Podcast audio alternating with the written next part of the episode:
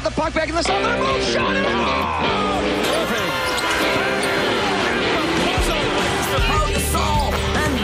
You want to go? Let's go then. The gun coming in. Dives and he makes the catch. Locker Room, amb Ruth Vilar. A Nova York hi fa també molt fred uh, i no sé si la Ruth estarà tan refredada com jo. Ruth, com estàs? Bona nit. Hola, no, no estic refredada, però està caient una nevada. Ah, sí? Sí, sí, sí. L'altre dia vam veure un vídeo teu uh, que veiem la nevada que havia caigut també a Nova York i veig que això continua fort, eh? Va, Ah. Neva de tot gira, tot gira, eh? Perquè durant la Sí. setmana no ha nevat. Molt bé. Escolta'm, Ruth, avui volem parlar de llibres, de llibres i de llibres polèmics. Uh, això mateix, David, vaja, parlarem d'un llibre que ha sortit a la venda aquesta setmana als Estats Units i que amb el títol gairebé ho diu tot, perquè es diu Furious George, My 40 Years Surviving NBA Divas, Ahà. Clueless Gems and Poor Shot Selection i és un llibre escrit per l'entrenador George Karl amb l'ajuda de l'escriptor Kurt Sampson que ha suscitat moltíssima polèmica aquí als Estats Units perquè deixa de volta i mitja aquestes divas de l'NBA que són alguns dels jugadors que Cal ha tingut eh, durant la seva trajectòria i en aquest llibre parla obertament també de problemes de dopatge a la Lliga Nord-Americana. Eh, mm, Déu-n'hi-do el títol, eh? per cert, és llarguet, eh? Sí. Els meus 40 anys sobrevivint a les divas de l'NBA Això mateix. eh, i diu també eh, les... les no? Parla de, sí, sí, parla també de, del tema del dopatge i Sí. de bueno, la, la pobra selecció de, de tir dient, ah, parlant de, de, dels conceptes tàctics que no tenen els jugadors de l'NBA. George Cal, eh, que abans i després d'entrenar al Madrid a principi dels 90, un entrenador referència a,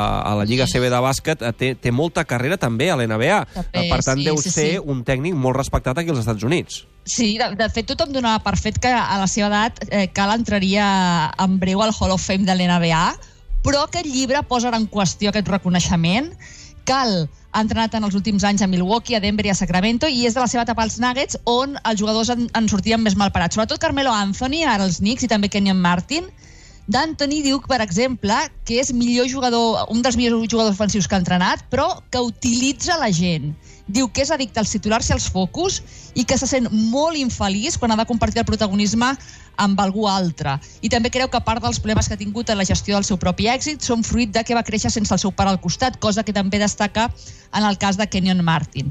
A, a les entrevistes que li han fet a Cal de la promoció d'aquest llibre, els periodistes l'han collat, David, però, però moltíssim, fins al punt que en una entrevista amb Sports Illustrated eh, li preguntaven si creu que algun equip el fitxarà ara després d'haver publicat aquest llibre. You had to know that a, one byproduct of writing this book was that some bridges were going to be burned. But you also write that you still have hopes of coaching in the league again and winning a ring. How hard did you make it for someone to hire you after airing the dirty laundry of places that you had coached in the past? Ah, you know, that's a hard question for me. I mean, I'm, I'm on this side of the fence. Um, I'm sure, you know, most of the stories that I think ruffled some feathers are 10. Sentim a 15. George Cal, eh, en aquesta entrevista. Aquesta pregunta, eh? Algú el fitxarà a vostè després d'aquest llibre i començava Cal dient que es parla del passat. Molt bé. Uh, Cal, que, que deia en aquesta entrevista que el llibre parla del passat, però Sí. del tema de les drogues també, Ruth.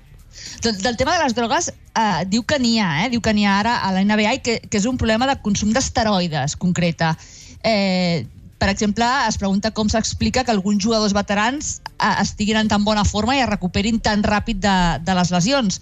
I textualment es pregunta què dimonis hi van a fer tants jugadors a Alemanya quan acaba la temporada? I la seva resposta és dubto que hi vagin a menjar xucrut. Déu-n'hi-do, eh, George Cal. Diu tot això en el seu llibre. sí, sí, sí, ja sí, tinc o ganes, ja dic una cosa, de comprar-me'l i, i poder-me'l llegir perquè um, ja ha fet bé de titular-los Furious George. Furious George. Sí, sí. Sí, sí. A més, aquesta setmana, eh, també aquí als Estats Units, sobretot a Nova York, s'ha parlat molt de la indisciplina dels jugadors de l'NBA, que és una mica el que comenta Cal en el seu llibre. Eh, aquesta setmana han tingut el cas de, de Rick Rose, eh, al base dels Knicks, que es va saltar un partit sense avisar ningú, no va aparèixer el dia de partit. Eh, el jugador, evidentment, ha estat multat, va explicar després de- d'aparèixer a Nova York de nou que havia anat a Chicago d'urgència per un tema familiar, però vaja, sembla que just aquesta setmana que surt el llibre eh, també mm, Rose sigui l'exemple d'aquests actes d'egoisme i d'indisciplina que cal denunciar en el seu llibre. Molt bé, doncs em pots repetir el títol d'aquest llibre, aquest eh, títol llarguíssim? Furious George, My 40 Years Surviving NBA Divas, Clueless Gem GMs and Poor Shot Selection. I al final has de fer...